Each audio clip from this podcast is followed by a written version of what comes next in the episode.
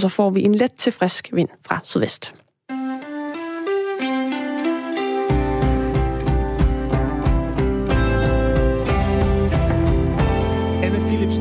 nyhedsvært her 6. januar, hvor hverdagen for alvor igen banker på oven i hovedet på de fleste. Her i studiet sidder Jakob Grosen og jeg, Kasper Harbo. Godmorgen. Ja, godmorgen, og øh, velkommen til en ny arbejdsuge. Øh, og til højsæsonen for prisuddelinger, som øh, begyndte i nat, da The Golden Globes rullede øh, den røde øh, løber ud, og den britiske komiker Ricky Gervais stod klar til at riste Hollywoods fineste skuespillere. Det var noget med, han kaldte, øh, hvad er det, han hedder, ham, den lille øh, amerikanske Joe skuespiller. han kaldte ham for Baby Yoda. Det fik jeg da set. Joe Pesci. Baby Yoda. Det er ikke helt forkert. Nej, det er ikke helt forkert. Slet men... ikke i The Irishman. Har du set den? Ikke endnu. Han er jo rynket som en rosin. Ja, men, øh, og så bliver han så gjort yngre med noget computergrafik og sådan noget. Det skal Scorsese's øh, film, der ligger på Netflix. Eller hvad? Eller omvendt. Vi ved det ikke. Måske er han glat som en barnenumse, men bliver gjort rynket med computer. Man ved jo ikke noget mere. Det er en øh, meget lang film. Jeg fik set halvdelen i weekenden her. Den ligger på Netflix, som det gør sagt. Den. den er tre og en halv time lang, øh, så jeg gik ikke i gang med den i weekenden. Men sidste år, der blev uh, The Golden Globes uh, set af 18,6 millioner seere, og det gør showet til det næststørste underholdningsshow i øh, USA, kun overgået selvfølgelig af The Oscars, The Academy Awards. Om 10 minutter der opdaterer vi øh, på, hvad, hvad der skete, øh, mens man har ligget og sovet, da de her gyldne globuser blev uddelt. Men vi starter et andet sted, nemlig med amerikanernes likvidering af den højtstående general Qasem Soleimani, eller Soleimani, som har delt vandene, ikke bare i dansk politik, men jorden rundt. Øh, det var jo natten til fredag, at USA øh, tog livet af den iranske general i et droneangreb, der udspillede sig i Irak.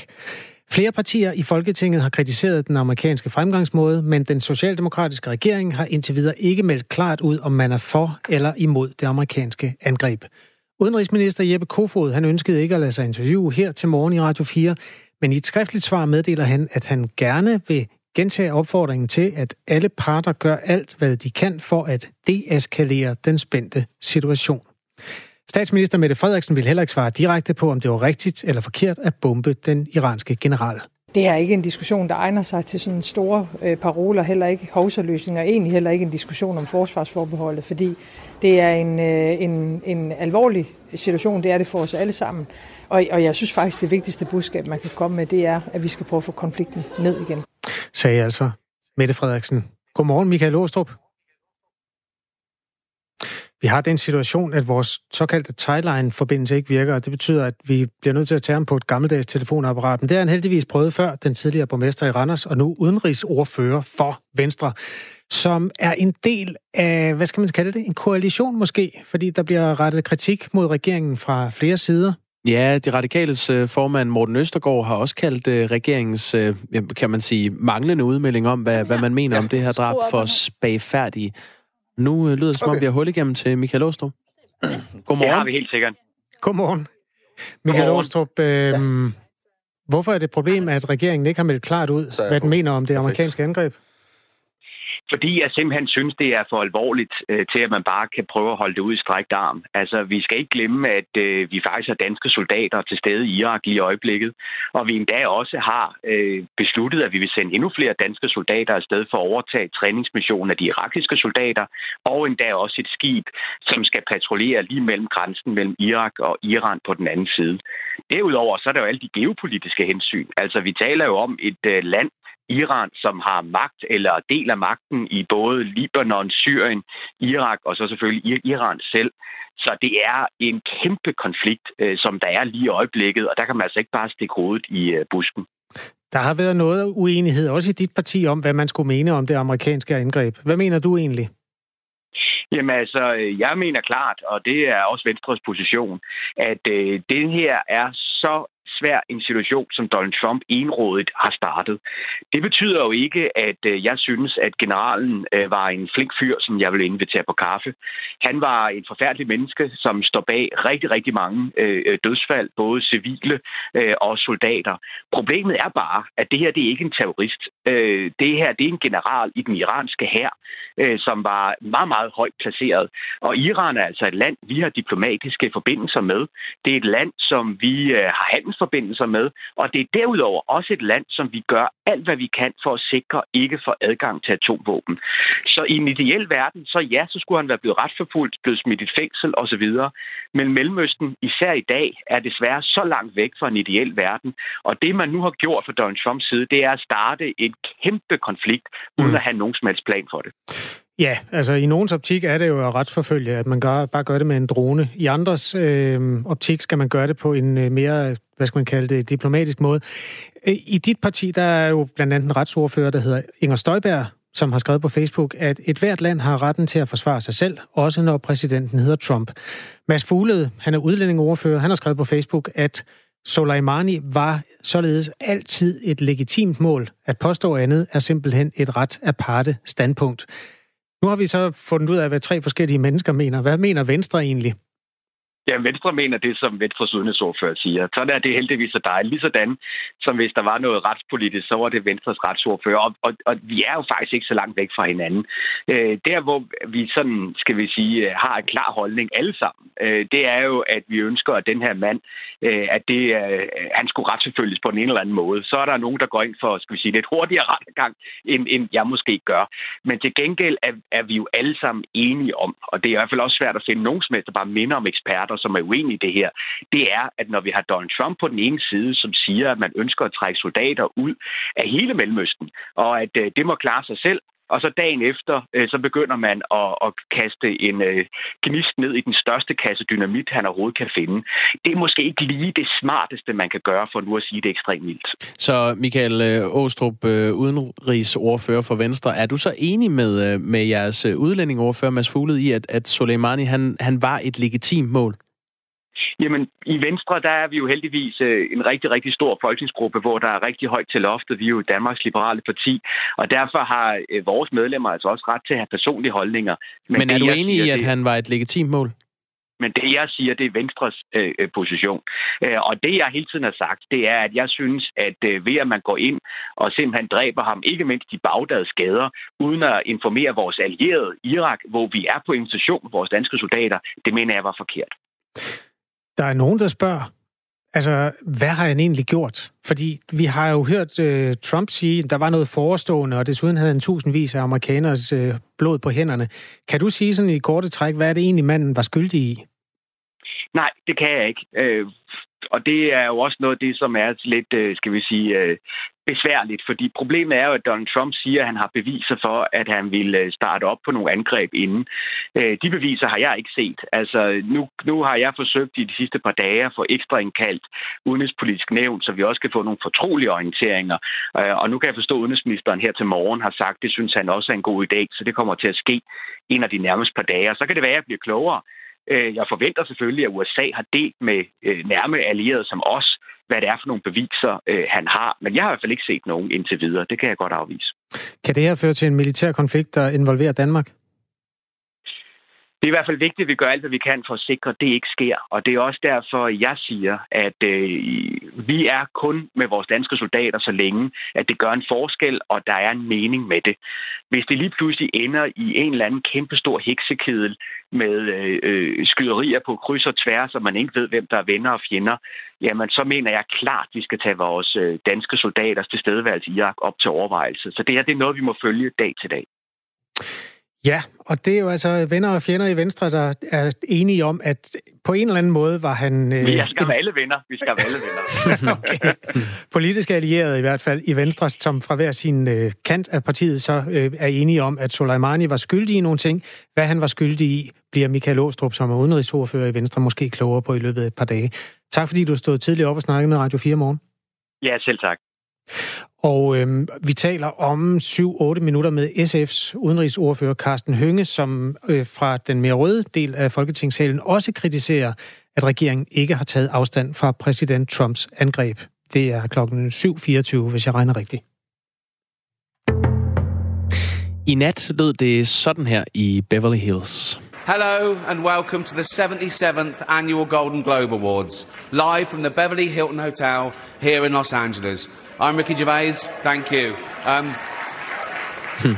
Natten igennem har natteravne og filmelskere nemlig kunne øh, sidde klistret til skærmen for at følge den årlige prisuddeling The Golden Globe Awards, der hvert år hylder de bedste præstationer inden for film- og fjernsynsbranchen. Godmorgen, øh, Jakob Ludvigsen. Godmorgen. Godmorgen. Filmredaktør hos Sound Venue og med os fra øh, vores studie i København. Hvad har været den største overraskelse for dig under det her års Golden Globe? Jamen, det var ikke en, en nat fyldt med kæmpe overraskelser, men øh, der var dog et par ting, som man måske ikke helt havde regnet med. Altså, Joaquin Phoenix, som jo spillede øh, Joker i den her øh, antisuper, meget mørke antisuperheltefilm, som også er blevet set af, jeg tror, en halv million mennesker herhjemme. Han vandt prisen for bedste mandlige øh, hovedrolle i, en, i et drama, og, øh, og det gjorde han blandt andet foran Adam Driver for den øh, film, der hedder Marriage Story, som måske egentlig var lidt favorit, fordi at Joaquin Phoenix' rolle, som jo er meget sådan ekstrem, og han spiller sig helt ud i nogle yderligheder, som den her øh, psykisk forkvaklede person. Den har måske delt vandet en lille smule, men, øh, men i Golden Globe-sammenhæng, der er den altså gået hele vejen. Men er det ikke sådan noget, Jacob Ludvigsen, som man godt kan lide i, øh, i filmbranchen, når nogen spiller, øh, spiller sig helt ud i ekstremen og, og lever rollen? Som jo, jo, bestemt, og Joaquin Phoenix er også meget sådan øh, anerkendt og, og, og øh, altså et navn, man godt kan lide i, i Hollywood. Øh, så det er jo ikke fordi, at det er et, et, et kæmpe chok, øh, men det gør, det gør selvfølgelig, at øh, han står lidt stærkere op til Oscar og så videre. Men øh, i de store kategorier... Ja, må jeg ikke lige sige en ting ja, om Joaquin Phoenix? Fordi jeg, jeg lagde mærke til i optakten til Golden Globe-festen, at han var en af dem, der markerede sig ved at påpege øh, nogle stærke krav til menuen, der skulle serveres. Han sagde nej tak til at få citronmus. Ja. Fordi der var, han er veganer, og han var ikke øh, særlig begejstret for, at man ved sådan en fin fest sad og fik mejeriprodukter. Så det Nej. fik han faktisk trumfet igennem, og det er jo et tegn på, at han trods alt har en vis gennemslagskraft. Han har en vis gennemslagskraft, og han brugte faktisk også sin tale på at sige, at øh, på en okay høflig måde, men dog at sige, at når nu der var så mange taler osv. med politiske referencer, hvor man blandt andet snakker om, hvor forfærdelige skovbrændene er i Australien, jamen så sagde han lige til sine kollegaer, prøv at høre, det er fint nok alt det, vi siger, men måske handler det også lidt om vores handlinger en gang imellem, og man kunne måske lade være med at tage sit privatfly, når man skal til øh, festival i Palm Springs. Måske kunne man bare tage et helt normalt rutefly, som alle andre. Så, så han brugte også sin øh, vinderposition til at komme med en lille stikpille til kollegaerne. En anden, der også kom med stikpiller, det var øh, den engelske komiker Ricky Gervais, som vi lige hørte øh, kort præsentere The Golden Globes Awards øh, før. Han, han var vært for femte gang, og han er jo kendt for at, at provokere. Lad os lige prøve at høre en af aftenen, aftens åbningsjokes. If you do win an award tonight, don't use it as a, a, platform to make a political speech, right? You're in no position to lecture the public about anything. You know nothing about the real world. Most of you spent less time in school than Greta Thunberg. So, if you win, right, come up, accept your little award, thank your agent and your God, and And, og så noget med fuck til sidst. Hvordan gik han øh, til opgaven i år, Ricky Gervais? Ja, men øh, alle forventer at Ricky Gervais skal, øh, skal chokere mest muligt. Det har han jo gjort i øh, sine andre optrædener hos Golden Globe. Og det betyder måske, at han ikke rigtig kan chokere mere. Og han havde inden aften også fortalt, at, at han er godt klar over, at ens jokes skal være endnu mere skudsikre, som han kaldte det, end øh, de måske skulle for 10 år siden, hvor der ikke var lige så stor bevågenhed om de her ting. Øhm, så, så han kom med en masse stikpiller til folk, som man forventer, men der var heller ikke noget, som måske gik så langt over stregen, at alle sidder forarvet i dag. Øh, så på den måde var det en, en, en, en, en bidende, men, men, men dog heller ikke grænseoverskridende Ricky Gervais, vi, vi så. Hvem blev så aftens uh, helt store vinder? Nu nævnte du før uh, Netflix og den her Marriage uh, Story med, med Adam Driver og Scarlett Johansson, som, som jo så ikke vandt Adam mm. Driver for, for bedste mandlige hovedrolle i et drama. Hvem blev øh, den store vinder?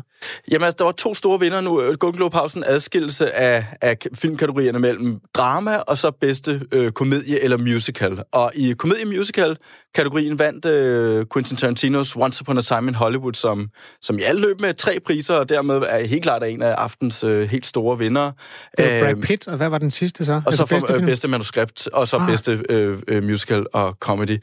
Øhm, og øh, og det, det, det er jo selvfølgelig... Øh, det, det synes Tarantino overraskende nok er jo selvfølgelig er dejligt. Han er sådan en, der er blevet skoset en lille smule i prissammenhæng gennem årene, selvom man er verdens måske allermest berømte instruktør sammen med Martin Scorsese og Christopher Nolan. Ikke? Øhm, så han er ikke sådan en, der er blevet lukket så meget ind i varmen, men, men det ser ud til, at det virkelig kommer her med Once Upon a Time in Hollywood, som jo også er blevet taget imod som hans store øh, værk på næsten øh, tre timer, der handler om Hollywood, og, øh, og som bliver anset for hans ja, store epos. Ikke? Jakob Ludvigsen, du kan næsten ikke nævne Brad Pitt, uden vi lige øh, spiller lidt til, til husarerne og husarinderne derude. Mm. Lad os lige prøve at høre ham i den film.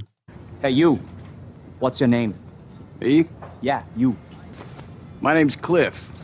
I'm Rick Dalton's stunt double. Stuntman. Yeah, You know you're kind of pretty for a stuntman. that's what they tell me.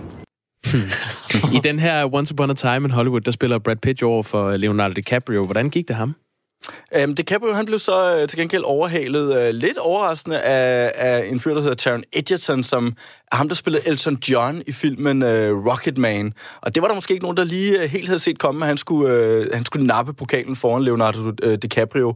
Uh, men der har siddet nogen i, i Golden Globe-gruppen der, som i øvrigt er meget lille, uh, og, og været begejstret for hans musik, uh, musikalske uh, transformation der. Uh, og det kan man selvfølgelig diskutere om bare fuldt fortjent, men alle var enige om, at han, at han i hvert fald leverede en rolle, der var meget op af, hvordan Elton John er, og, og, og Elton John og Taron Egerton har ligesom kørt kampagne sammen og været ude og, og, og sådan øh, vise, hvor godt de kunne lide hinanden og sådan noget. Så den slags betyder jo også noget. Altså, jeg har ikke set Rocketman, men jeg kender flere, der har været blæst fuldstændig bagover den, som, som havde den der oplevelse, som folk havde med Queen-filmen året før. Den har de haft med Rocketman i år.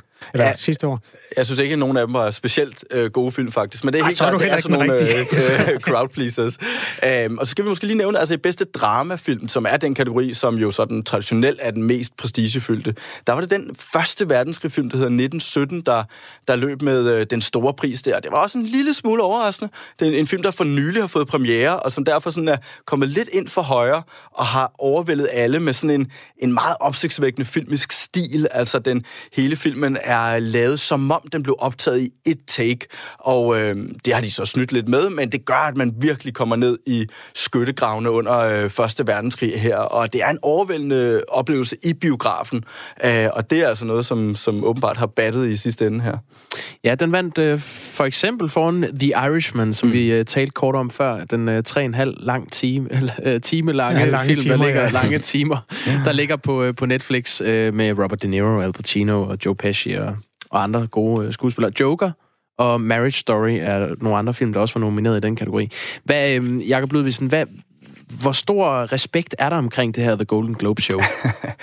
Jamen, det, det er jo meget sjovt at sige, efter vi nu har brugt nogle minutter på at tale en hel masse om det. Men, Ja, pille men, lige ned. Ja, fordi der er egentlig ikke så stor respekt omkring øh, Golden Globe i sig selv i, i Hollywood eller omegn. Det er noget, man joker en lille smule med. Og det skyldes, at dem, der uddeler Golden Globe, det er en meget lille gruppe på, ja, omkring 90 øh, medlemmer af det, der hedder The Hollywood Foreign Press Association, som er ikke-amerikanske journalister, øh, der er bosat i øh, USA. Og øh, det vil sige, det er ikke kritikere, det er ikke folk med et kritisk blik på film, det er ikke øh, filmfolk, altså det er ikke folk, der laver film selv, det er journalister, der hele året lever af at interviewe stjernerne, og mange af dem, ved jeg, føler jo også, at de har et nærmest lidt sådan personligt forhold til stjernerne. Og så er det jo altså en meget lille gruppe, når det kun er 90, hvorimod i, altså Oscar Akademiet består af 7.000 medlemmer, ikke? Øh, så det er en lidt obskur størrelse, men, men øh, det er en af verdens øh, ældste priser, og det, det, så får man jo altid en eller anden sådan aura omkring sig, og så kan folk jo godt lide at se, se showet, fordi det er sådan lidt mere løssluppent end, øh, end Oscar, fordi at alle stjernerne, de, de, de sidder nede i salen, og de får vin, og de får drinks, og det hele bliver sådan lidt mere løst, ikke? De kommer lidt tipsy op på, på scenen og skal tage imod deres priser, øh, og det gør jo, at og, og værterne får lov til at virkelig at give den gas, og virkelig komme med nogle svirper, ikke? Øh, så der er en løsluppen stemning, som jo er rigtig sjovt at se fra sådan et, hvad skal man sige, tv-seriemæssigt synspunkt, men som pris, der har den altså ikke den største agtelse. Nej, sidste år blev showet set af 18,6 millioner seere, og det er jo øh, det næststørste underholdningsshow i, i USA, kun overgået af, af Oscarshowet. Men øh, Jacob Ludvigsen, tak for øh, den her lille gennemgang af, øh, hvad vi øh, gik glip af i nat. Selv tak. Filmredaktør hos øh, Sound Venue. Ja, og hvis vi skal komme med en enkelt tilføjelse, så er det også, at Netflix faktisk ikke øh, blev de store vinder, som de var spået. De var nomineret i seks kategorier. Øh, jeg tror ikke engang, de vandt nogen, men øh, til gengæld så gik der to til HBO, som jo lavede den der fine... Øh... Mm, var der ikke en øh, kvindelig birolle eller Nå, sådan et eller andet, der gik være. til Marriage Story, som i øvrigt, øh, det må jeg sige for egen personlig regning, er en fantastisk film, ligger på Netflix. Okay, nå, jamen det var jo fordelen ved i hvert fald, at de vinder noget, at man kan komme til at se filmen uden, Ja. når man skal have den store tegnbog op. Den er ved at se. Øh, det samme gælder jo, hvis man har adgang til HBO, så se for himlens skyld den der Chernobyl-serie. Det er et stykke verdenshistorie formidlet på en rigtig fin måde. Korrekt. Du lytter til Radio 4 morgen. Klokken er 7.24. Vi hørte for lidt siden Venstres Michael Åstrup kritisere regeringen for, at den endnu ikke har meldt klart ud, om man synes, det var rigtigt eller forkert at dræbe den iranske general Qasem Soleimani i et øh, droneangreb, et amerikansk ledet droneangreb, som foregik i fredags. De radikales formand Morten Østergaard kritiserede ligeledes søndag regeringen for at være spagfærdig i sine udmeldinger. Jeg synes, den nye regering, både ved udenrigsministeren og statsministeren, er for spagfærdige. Altså, der er andre europæiske lande, som har udtrykt sig i noget klare vendinger, for eksempel Tyskland, som har sagt, øh, hvad jo er åbenlyst, at det her i hvert fald ikke bidrager til øh, at afspænde konflikten i Irak øh, og mellem øh, den vestlige verden og Iran. Og, og det synes jeg altså, at man må kunne sige, og også, at vi kan ikke basere vores kamp øh, for stabilitet og imod øh, terror og regimer, der understøtter terror, ved at likvidere øh, deres repræsentanter, når de øh, betræder tredje lands jord. Altså, det, det går ikke an sagde Morten Østergaard, formand for Radikale, altså om drabet på den iranske general. Nu kan vi sige godmorgen til Carsten Hønge. Godmorgen. Godmorgen. godmorgen. Udenrigsordfører for SF. Øhm, der er jo, der tegner sig et, øh, hvad skal man sige, en koalition rundt om regeringen om, at det, det her ikke er godt nok. Hvad mener du om regeringens udmeldinger i forhold til drabet på den iranske general? Ja, jeg må sige, at jeg er både noget overrasket og også skuffet over, at uh, regeringen og ensynligt har et uh, sådan taktisk forhold til, til USA. Altså, jeg synes ikke, det kan nytte noget, at man sådan forsøger på at falde under radaren over for Trump, når han så tydeligvis klokkerent bryder international ret og skaber ustabilitet. Måske nærmest er med til at nu at, at lægge vejen til en krig, så bør regeringen træde karakter og sige, at det her, det, er, det holder slet ikke. Det går i den modsatte retning af det, vi har brug for. Vil du have gjort det, hvis du var udenrigsminister i Danmark? Altså sagt, det her, det var forkert, Donald Trump?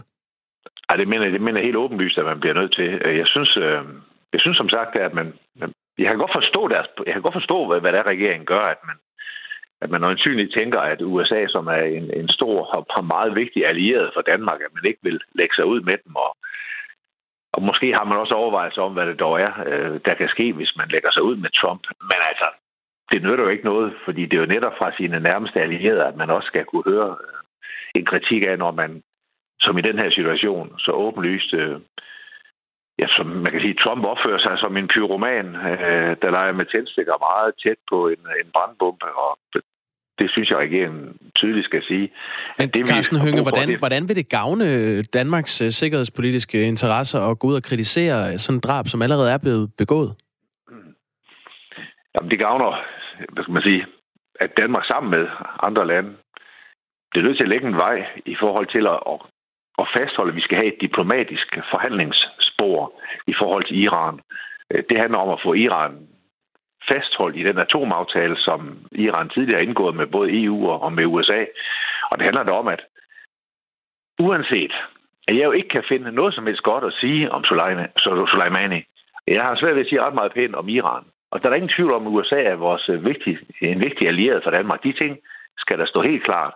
Der er ikke noget pænt at sige om hverken generalen eller om Iran og USA er allieret. Men måske netop derfor er det da også vigtigt, at vi som allierede træder karakter og siger til USA, at det der, det er godt nok en forkert vej at gå.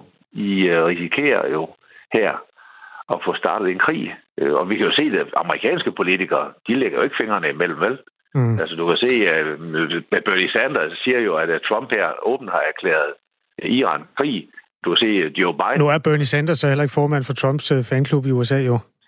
Nej, nej, det viser bare, at når amerikanske politikere tydeligvis kan kritisere deres egen regering, synes jeg vel ikke, det er så mærkeligt, at vi som et europæisk land kan sige til USA, det der, det er, det er noget, der de forbereder krig i stedet for at give øh, stabilitet mm. og give forhandlingsspor øh, muligheder.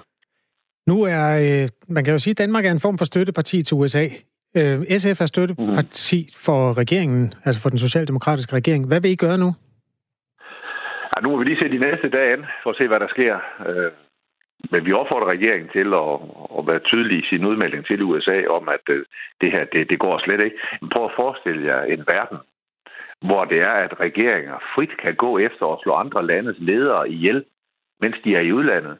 Altså prøv at forestille dig en kaotisk verden, med, hvor spændingen vil stige, og hvor risiko for, for, for krig og for terror jo vil, vil, vil stige markant. Og derfor de her handlinger i Mellemøsten, ja, det, det rammer jo klart nok Iran, men det er jo noget, der vil få dramatiske konsekvenser for ikke bare Mellemøsten, og ikke bare for USA, som det også vil få, men det får også konsekvenser for os i Europa. Det bliver en ustabil verden, hvis regeringer og præsidenter bare sådan kan gå efter og slå andre landes ledere ihjel. Det, det holder jo slet ikke. Tak skal du have, Carsten Hønge. Velbekomme. Udenrigsordfører for regeringens støtteparti SF. Udenrigsminister Jeppe Kofod han har ikke øh, haft lyst til at blive interviewet her til morgen.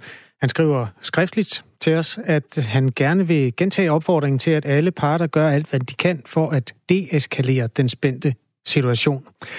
Vi zoomer lidt mere ind på situationen i Irak om 11-12 minutter. Øhm, og det er fordi, det var i Irak, at angrebet fandt sted. Og øh, hvor det irakiske parlament nu har opfordret regeringen til at sende alle udenlandske styrker ud af landet, herunder altså også danske soldater. Ja, og således blev klokken halv otte. Anne Philipsen, take it away med nyheder.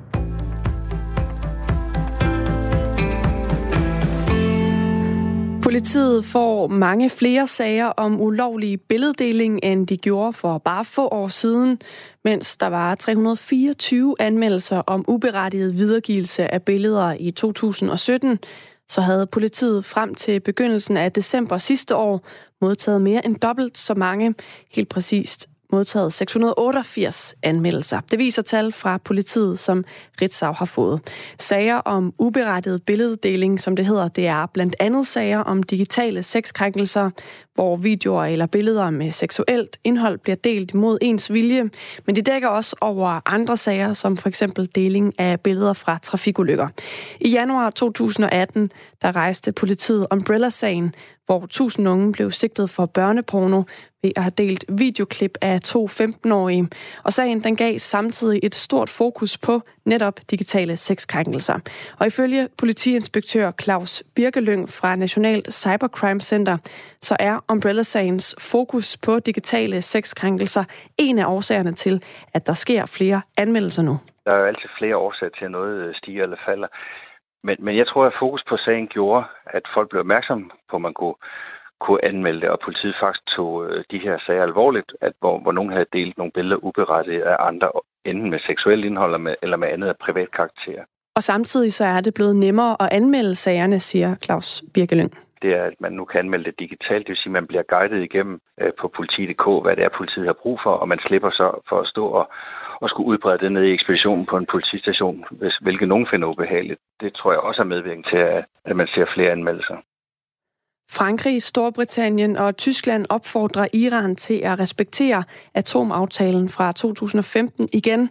Det sker i en fælles erklæring fra landenes ledere.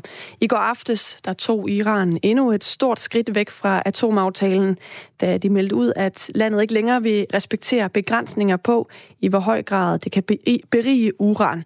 Aftalen fra 2015 blev forhandlet på plads mellem Iran og FN's Sikkerhedsråds permanente medlemmer, og tanken var, at den skulle lette de økonomiske sanktioner mod Iran. Til gengæld så indvilligede Iran i, at der blev lagt en række begrænsninger på landets atomprogram, der altså så skulle forhindre udviklingen af atomvåben. Men efter at USA's præsident Donald Trump trak sig fra aftalen sidste år, har Iran skridt for skridt trukket sig fra nogle af de afgørende dele af aftalen, og spændingerne i regionen er taget voldsomt til, efter at et amerikansk droneangreb på ordre fra Donald Trump dræbte den iranske topgeneral Qasem Soleimani i fredags. Og derfor så opfordrer de europæiske ledere Iran til ikke at optrappe med yderligere voldelige handlinger, lyder det. I dag møder folkeskoleelever i hele landet ind til nye fraværsregler, men det IT-system, der skal bruges til den nye registrering, det er slet ikke klart endnu, det skriver DR. Fra i dag skal læreren sætte kryds og registrere alle elever i klassen, og for de ældste elever, der er der fraværstjek to gange om dagen. Hvis et barn så har mere end 15 procent ulovlig fravær inden for et kvartal, så kan kommunen trække forældrene i børnesjekken. Hos Skolelederforeningen er formand Claus Hjortdal ærgerlig over, at IT-systemet er blevet forsinket. Han siger til DR, at det er et tydeligt signal om, at politikerne ikke er klædt ordentligt på til at lave lovgivning på den her måde. De nye fraværsregler blev første gang fremlagt som en del af den tidligere regerings strategi mod parallelsamfund, men reglerne har fået voldsom kritik af blandt andre skoleledere, Børns Vilkår og Rød Blok og Alternativet, men med undtagelse af Socialdemokratiet, der altså derfor er gået videre med loven efter valgsejren. DR har ikke haft mulighed for at få en kommentar fra børne- og undervisningsminister Pernille rosenkrantz teil en vejrudsigt her til sidst skyet og diset vejr med lidt regn og temperatur mellem 5 og 8 grader.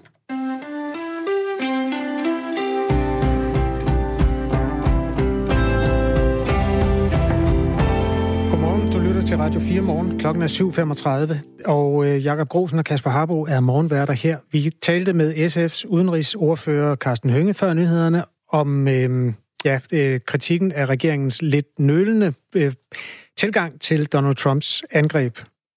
Det tør jeg godt kalde det. Det var Donald Trumps angreb på en iransk øh, general. Qasem Soleimani. Ja. Soleimani, måske. Øh, reaktionerne fra Radio 4's lytter er i hvert fald øh, ret markant over for Carsten Hønge, som der står her. Nu er det jo ikke en leder, USA har slået ihjel. Forkert eller ej, men Iran finansierer terror, så det er ikke det store tab, skriver Carsten. Ja, så er der en, der skriver, vi manglede Hønges kommentar, da den amerikanske ambassade blev angrebet. Som den blev i weekenden. Ja, det er jo, ja, og det er jo også derfor, at det her angreb øh, angiveligt har fundet sted, at der skulle have været konkrete planer om, øh, om angreb på, øh, amerikanske baser og amerikanske personel i øh, Irak. Jens han skriver, det er nemt for Hønge at mene, at regeringen skal lægge sig ud med Trump. Fakta er, at Trump opfører sig som en diktator i international politik, og øh, det ligger vi som mange andre under for og at øh, Hønge fremhæver amerikanske oppositionspolitikere, som for eksempel Sanders for åbent at kritisere præsidenten, er jo ikke rimeligt, for de er ikke i risiko for økonomiske og politiske sanktioner, som den øvrige verden er. Tragisk, men sandt, og forhåbentlig er Trump fortid efter næste valg, mener altså Jens. Ja. Vi vender tilbage til sagen om 7-8 minutter. Ja, der taler vi med Lars Erslev Andersen, som er seniorforsker ved Dansk Institut for Internationale Studier, om, øh, om den her sag. Lige nu er klokken 7.36. Over 468.000 bygninger langs øh, åer ved lavninger langs kysterne i Danmark risikerer at blive øh, ramt af oversvømmelser, når forskellige øh, områder i, her i landet i fremtiden bliver ramt af en stormflod eller en det, man kalder en 100-års hændelse. Altså en hændelse, der statistisk øh, set kun sker en gang hvert 100 år. Det skriver øh, Jyllandsposten på baggrund af en analyse af danske regioner og virksomheden Skalgo, der er øh, specialiseret i tredimensionelle kort, der kan visualisere oversvømmelser. Nu kan vi sige godmorgen til Sten Rasmussen, bestyrelsesmedlem i Danske Vandløb. Godmorgen, Sten Rasmussen. Ja, godmorgen. Godmorgen. Du er også lodejer ved Nørreåen, der løber ud i uh, Gudenåen. Uh, hvordan oplever I de stigende vandstande? Øh, vi har her de senere år haft stigende vandstande i, øh, i årløbende. Det er navnlig Gudenåen og, og Nørreå, som jeg arbejder med. Øh, og vandstandene stiger og stiger, og det er helt sikkert på grund af manglende vedligeholdelse. Hvordan ved du det? Øh, vi har fået lavet nogle undersøgelser omkring, øh, hvordan øh, årene vedligeholdes. Det er navnlig vintervedligeholdelsen, som er problematisk. Det er det, der foregår. Der er for meget mudder, der er for mange sandbanker, der ligger i årene rundt omkring. Så derfor så stiger vandstanden på grund af det. Det er 10.664 bygninger langs øh, åerne, der kan blive oversvømmet, og øh, så er der så 300 og næsten 394.000 ejendomme i såkaldte lavninger, og 64.000 bygninger langs kysterne, som er i fare for at blive oversvømmet. Øh, lige nu er det de danske kommuner, der har ansvaret for den her indsats. Øh, mener du, at kommunerne gør det godt nok? Altså, kommunerne i Danmark har jo overtaget ansvaret fra amterne for cirka 10 år siden, øh, og øhm, de har ikke gjort det godt nok. Øh, de øh, har ikke sørget for at oprense og vedligeholde vandløbene sådan, som øh, man skal. Det er jo sådan, at vandløbsloven taler om, at der skal være vandafledning, og man skal til gode se miljømæssige interesser. Det har vi i Danske Vandløb selvfølgelig stor forståelse for, at vi skal til gode se miljøet, men man skal også tage hensyn til uh, vandafledningen, og det har kommunerne ikke gjort. Når det, der hedder 100 års hændelser, er udtryk for en form for lille, altså i lille skala naturkatastrofe, som finder sted, øhm, så skal det vel holdes op mod nogle vandløb for 100 år siden, som ikke blev vedligeholdt på den måde, du beskriver der. Det siger jeg for at sige, at der er måske også andre årsager, end at kommunerne er skyld i det. Altså, der må være nogle, nogle klimamæssige ting, der gør det til en større opgave. Anerkender I den præmis i danske vandløb? Ja, men, øh, ja, ja, ja, men altså, vi taler jo om, om 10 års hændelser, 20 års, 50 og 100 års hændelser. Øh, og vi har, vi har jo meget, vi har jo ikke engang haft 10 års hændelser i disse år her, og, og, og selv en 10 års hændelse kan vandløbene ikke klare, sådan som det er nu. Øh, så det er klart, at klimaforandringerne kommer til at betyde noget, og det er der slet ikke taget højde for, hverken i lovgivningen eller i de regulativer, som dækker vandløbene. Så der er mange ting, der kan gøre sig gældende øh, øh, omkring vandløbene, men, men det primære øh, for os at se, det er jo, at den, øh, de skal vedligeholdes rigtigt, vandløbene. Sten Rasmussen, øh, bestyrelsesmedlem i, i den landsdækkende forening, der hedder Danske Vandløb, som altså repræsenterer alle med vandløbsinteresser i, i Danmark. Hvad mener du, der skal til for, at vi kan sikre vores vandløb her i Danmark fremadrettet? Først og fremmest, så skal vandløbslovgivningen øh, ændres, sådan at øh, man kan indarbejde øhm, øh, øh, miljømæssige, øh, nej, øh, hvad hedder de, øhm, øh, klimaforandringerne. Det er der slet ikke åbne for. Øh, der er ikke åbne for, at man tager hensyn til klimaforandringerne. Det, først og fremmest skal vandløbsloven øh, tilpasses, sådan at den bliver moderniseret. Den er senest fra 1982. Så det, det trænger vi til. Så skal øh, kommunerne, de skal, de, skal være, de skal gå dybere ind i opgaven om at få ændret øh, øh, øh afledningstilstanden af vandløbene, sådan at de kan imødegå øh, 10-års hændelser og 50-års hændelser og 100-års hændelser. Og det er altså 468.000 bygninger, som ligger langs åer og, og kysterne, som risikerer at blive ramt af oversvømmelser, når, øh, når Danmark i fremtiden bliver ramt af en stormflod. Øh, Sten Rasmussen, bestyrelsesmedlem i Danske Vandløb. Tak fordi du var med her. Selv tak.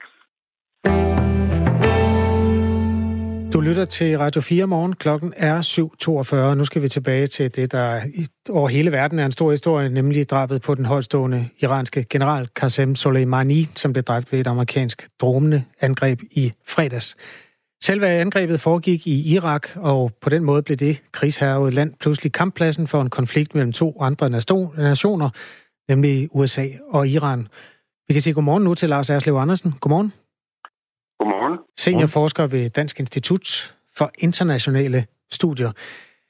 Det vi egentlig alle sammen undrer os over, hvorfor dræbte USA denne iranske general?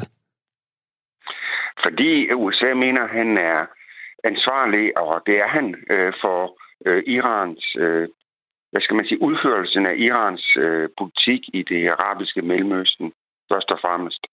Men er det og, forbundet øh, med dødsstraf at være det? Ja, det er det jo, når man betragter den, øh, øh, den øh, hvad skal man sige, aktivitet som terrorisme, og det gør USA. Altså, han har øh, været med til at opbygge de øh, paramilitære øh, militser i Irak og i Syrien. Han har tætte forbindelser til forskellige øh, militsgrupper i Libanon og i Yemen og andre steder. Og det er det, det er det netværk af, hvad skal man sige, Irans støttede militser rundt om i Mellemøsten, som han har øh, været ansvarlig for at opbygge. Og det betragter øh, USA jo som øh, en form for øh, terrorisme. Hvad har Irans, altså udover at det er terrorisme, hvad har Irans øh, interesse været i at opbygge sådan nogle løsgående missiler rundt omkring, som kunne lave det, der betragtes som terrorisme? Jamen altså, det som har været Irans interesse, det har selvfølgelig været at, at udvide deres, øh, hvad skal man sige, deres øh, indflydelse i det arabiske Mellemøsten. Øhm, og det har de haft øh, stor succes med, øh, både i Irak, i øh, Syrien og, og andre steder. Og det har de haft øh, succes med, dels på grund af den politik, som USA har ført, fordi øh, uh, USA's fjernelse af Saddam Hussein i, i 2003, det banede jo sådan set vejen for en større øh, iransk indflydelse. Det banede også af vejen for en pro-iransk shia-muslimsk regering i Bagdad. Så det har Iran selvfølgelig vil udnytte, og for at kunne udnytte det, og for at kunne sikre sig, at blive ved med at have den øh, hvad skal man sige, udvidet interesse, ja, så har de haft øh, Soleimani til at, at prøve at organisere sammen med sine allierede rundt omkring i Mellemøsten. Og så har der jo også været gidsninger om, om helt konkrete planer, øh, som øh, Qasem øh, Soleimani øh, blandt andet stod bag øh, nogle angreb øh, mod noget amerikansk materiel og, og militære folk. Kan, kan du sige noget om, hvad det konkret har været, der har været planlagt? Nej, det, det, det, det er ikke fremlagt noget som helst øh, om det.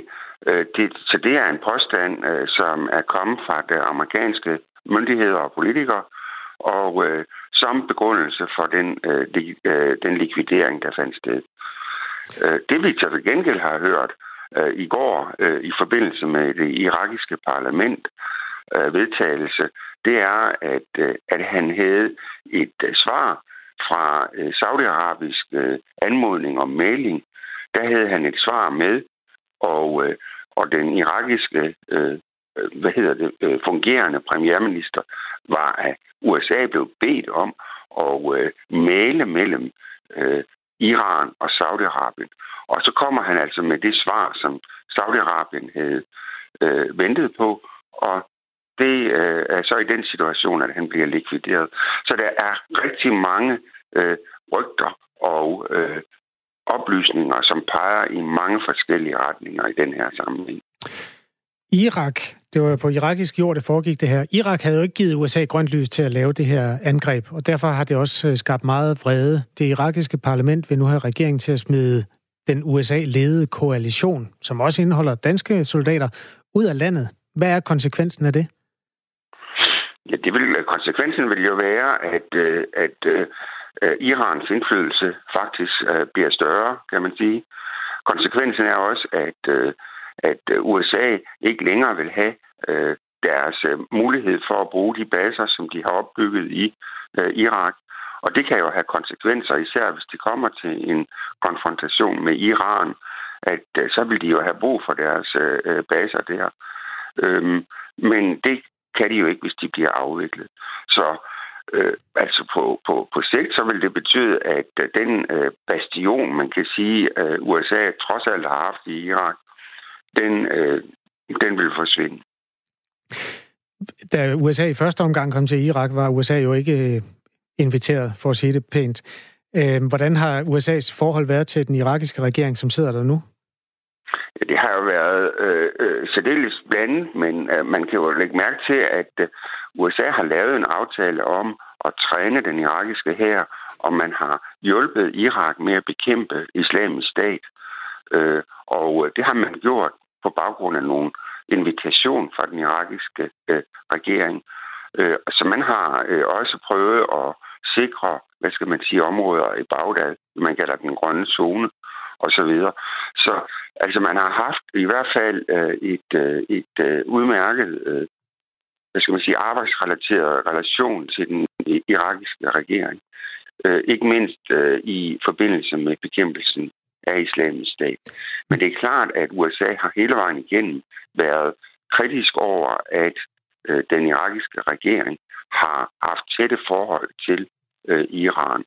Og især efter, at, øh, hvad skal man sige, øh, islamisk stat øh, kalifat blev opløst, så har det været et voksende krav fra USA's side, at den relation, den tætte relation, den skulle nedtones. Mm. Og først og fremmest i forhold til, at de iranske paramilitære enheder, eller pro-iranske pro-iranske irakiske militser ja. skulle øh, totalt øh, indrulleres i den irakiske hær øh, og under øh, regeringskontrol. Det her det er sådan øh, ligesom en riskspilleplade, når man er tre en halv time inde i det, hvor der sådan står på kryds og tværs, og det er virkelig svært at overskue, hvem der er hvem. Sådan ser det der land ud i øjeblikket, det mellemøstlige land Irak, hvor der simpelthen er så mange interesser i øjeblikket. Og en af de øh, spillere, som stadig er på brættet, dog i en mindre skala, det er islamisk stat, som du også er inde på. Hvad betyder det her i forhold til den nogenlunde fælles front, der har været over for islamisk stat i det område? Ja, det betyder jo, at, øh, at, øh, at det vi ved omkring øh, de amerikanske aktiviteter imod islamisk stat, de ved vi, at de lige nu er fuldstændig suspenderet, fordi øh, amerikanerne, de, øh, altså de amerikanske soldater, de bruger al deres øh, energi på at beskytte sig selv på baserne over for de trusler, som er rettet mod dem efter likvideringen af Soleimani. Og det betyder, at, øh, at, øh, at hvad skal man sige, krigen mod islamisk stat i Irak og dermed også i Syrien lige nu er sat på, hvad skal man sige, på pause.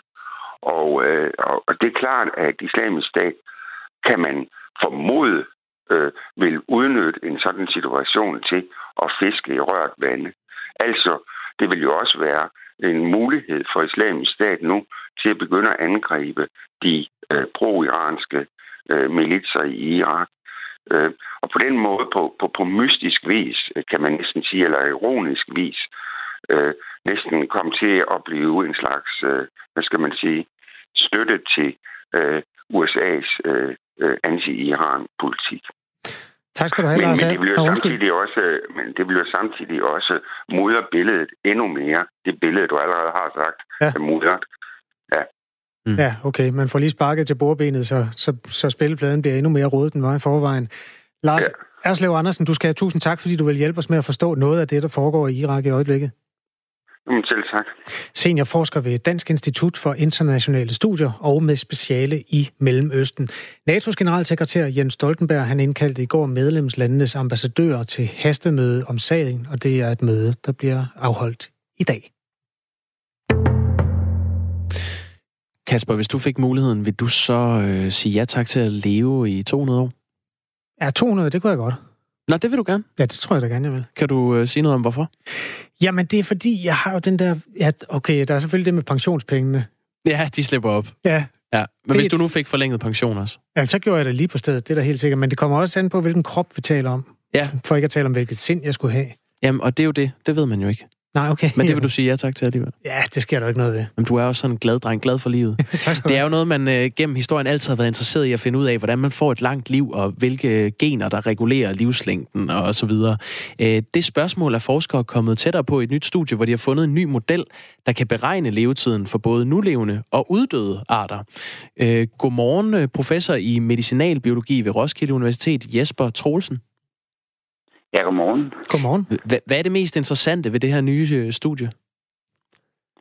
Altså det interessante er jo, at de ligesom har fundet en øh, genetisk udløbsdato for, øh, hvor gammel en art bliver. Øh, ud fra sådan relativt, øh, nogle relativt simple analyser. Øh, og øh, som, som du lige sagde før, så har man jo søgt i, ja, i århundrede for at finde koden for det lange liv. Øh, og her i de sidste år har man jo kigget meget på, på gener og hvordan genernes øh, indflydelse er på, på, på ens øh, levealder. Øhm, og det har man ikke rigtig haft så meget held med at finde nogle, øh, nogle gode nogle gener, der ligesom kan forudsige, øh, hvad det er, hvor gammel, eller hvor gammel man bliver. Men det nye i det her område, det er, at man kigger på nogle, øh, på nogle områder, som man kalder øh, CPG-øer. Altså DNA består jo af de her fire baser, A, T, C og G. Og der er altså nogle områder, hvor der er mange C, CG-baser. Øh, og de her baser, de kan, de kan blive ændret sådan rent kemisk. Og det er, at de, det er altså øh, sådan nogle områder, de har kigget på. Øhm, og, og så ved at lave en, en øh, matematisk model i virkeligheden øh, over, øh, man har databaser, hvor man har alle forskellige øh, arter Øh, listet op, og så deres øh, forventede øh, levetid.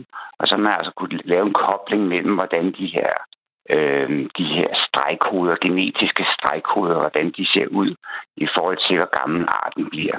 Så det er altså det, du kalder en genetisk udløbsdato, ligesom vi kender på vores mælk, hvor det nu er blevet tilføjet øh, mindst holdbar til 5. december, men ofte god efter. Det er sådan noget, der skal bekæmpe madspil. Jeg ved ikke, om man kan bruge det i det her. Altså, øh, altså jeg, jeg forsker i, øh, i for eksempel i cancer, altså i kraftudvikling, og, øh, og øh, cancer er jo en, en sygdom, som øh, er som man får, når man bliver gammel. Så det, den er jo koblet til ældring af vores celler. Så, øh, så det, man kan sige, den her, øh, hvad skal man sige, øh, udløbsdato, man har fået, den, den øh, altså det er jo ikke en nøjagtig du, øh, udløbsdato. Det betyder også noget, hvordan du lever. Om du ryger for eksempel, eller dyrker motion og sådan noget. Så, mm. så, men det er sådan en, øh, en, der er sådan en korrelation mellem i de forskellige arter, hvordan, øh, hvordan din, øh, din ja, genetiske udløbsdato, hvordan den kode ser ud. Og og i- det er altså ikke det- noget, man lige sådan... Nej. Mm. Ja, i, I det her studie, der har man kigget på, på øh, blandt andet chimpanser, som har en levealder på 40 år. Og så er der øh, de øh, uddøde, uldhårede mammutter.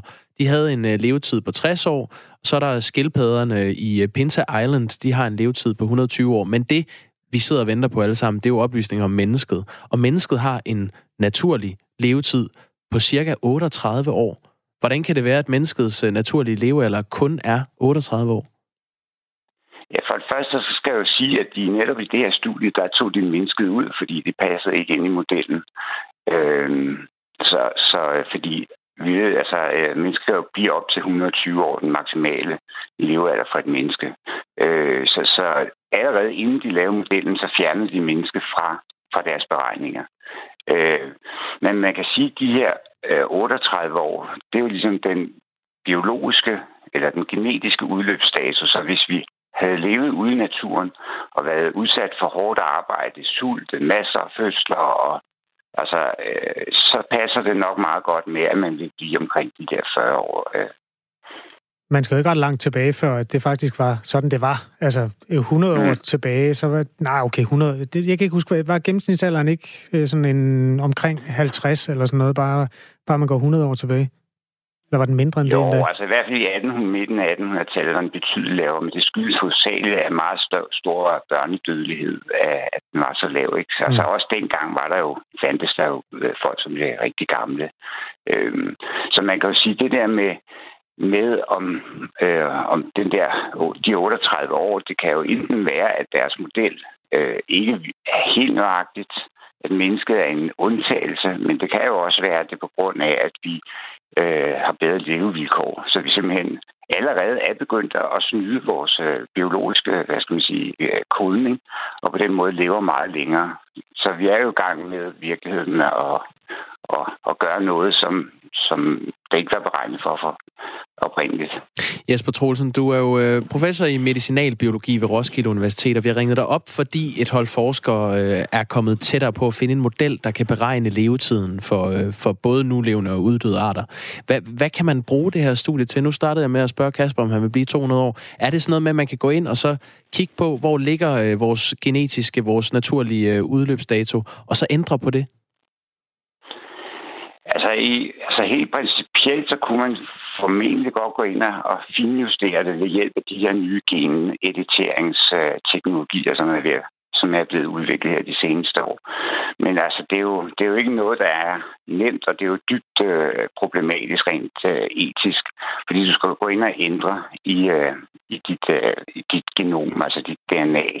Og det vil sige, at man skal altså have en, en, en befrugtet Excel, hvor man, hvor, man, hvor man kan lave de her ændringer. Og det, det er altså ikke, det er ikke noget, der ligger sådan lige for, kan man sige. Øh, så, så den del af det er sådan ret øh, hypotetisk. Øh, der, vil jeg nok, der er det nok smartere bare at leve sundt og få noget motion, øh, hvis du gerne vil leve længere. Jeg kan godt nok ikke love til 200 år, men, men øh, altså, hvis du vil være at ryge, så kan du sagtens få en, en 4-5 år ekstra. Mindre kan også gøre det. Ja. Det sagde du altså... Det, det med mere kan... Mm, undskyld. Nej, bare øh, der er plads til en sidste altså, bemærkning. Det med mere sådan, kan, det, man mere kan bruge det til, det er jo under sådan noget naturforvaltning. Altså, hvis, hvis man skal lave modeller, bevare øh, dyr, så er det vigtigt at vide, hvor gammel de egentlig bliver. Det kan være rigtig svært at finde ud af ude i naturen. Vi havde jo den her historie for, for et halvt år siden, tror jeg det var, hvor, hvor nogle danske forskere fandt ud af, at grønlandsvalen var over 400 år gammel øh, ved at kigge på nogle proteiner i deres øje, altså en helt anden teknik, end de har brugt her. Og, og hvis man skal have strategier for at få, hvad skal man sige, vores biodiversitet, altså få nogle arter til at overleve, så er det vigtigt, at man inde i de her modeller ved, hvor gammel dyr egentlig bliver. Hvad er deres generationsalder? Er der nogen udsigt til, altså børn, der, der bliver født øh, nu her i, i 2020, hvad, hvad forventer man, at, øh, at, hvor længe forventer man, de kan leve? Ja, man forventer, at der bliver langt flere, der bliver 100 år i hvert fald, end, end der gør i dag. Øh, så, øh, så altså, middellevealderen vil nok stige, man ved jo, at i Japan, der er den jo nogle 4-5 år ældre, end den er i Danmark, så, så, så middellevealderen vil forvente, øh, vil nok øh, stagnere omkring de der 85 år. Øh, men altså, det, det vil være meget få mennesker, som bliver, altså, øh, hvad skal jeg sige, 120 år stadigvæk. Det er jo, det er jo meget sjældent, det sker. Okay. Således opmuntret øh, professor i medicinalbiologi ved Roskilde Universitet, Jesper Troelsen. God dag til dig. Jo, tak. Du lytter til Radio 4 morgen, hvor vi har en time mere. Vi skal helt, hele vejen rundt i nyhedsbilledet. Vi skal en tur på museum. Vi, skal, vi har slet ikke vendt uh, Zlatan Ibrahimovic endnu. Han har fået savet benene af. Ja, nu havde vi historien om Jon Dahl Thomasson, som skal være cheftræner for Malmøs fodboldhold. Det kan da være, de skal rejse en statue af ham. Det kan være en lille cliffhanger til, uh, til Zlatan-historien. Og Kasper, så har vi fået en sms. Lad for guds skyld Kasper leve i 200 år. Så er vi unge lyttere og sikret god radio i mange år fremadrettet.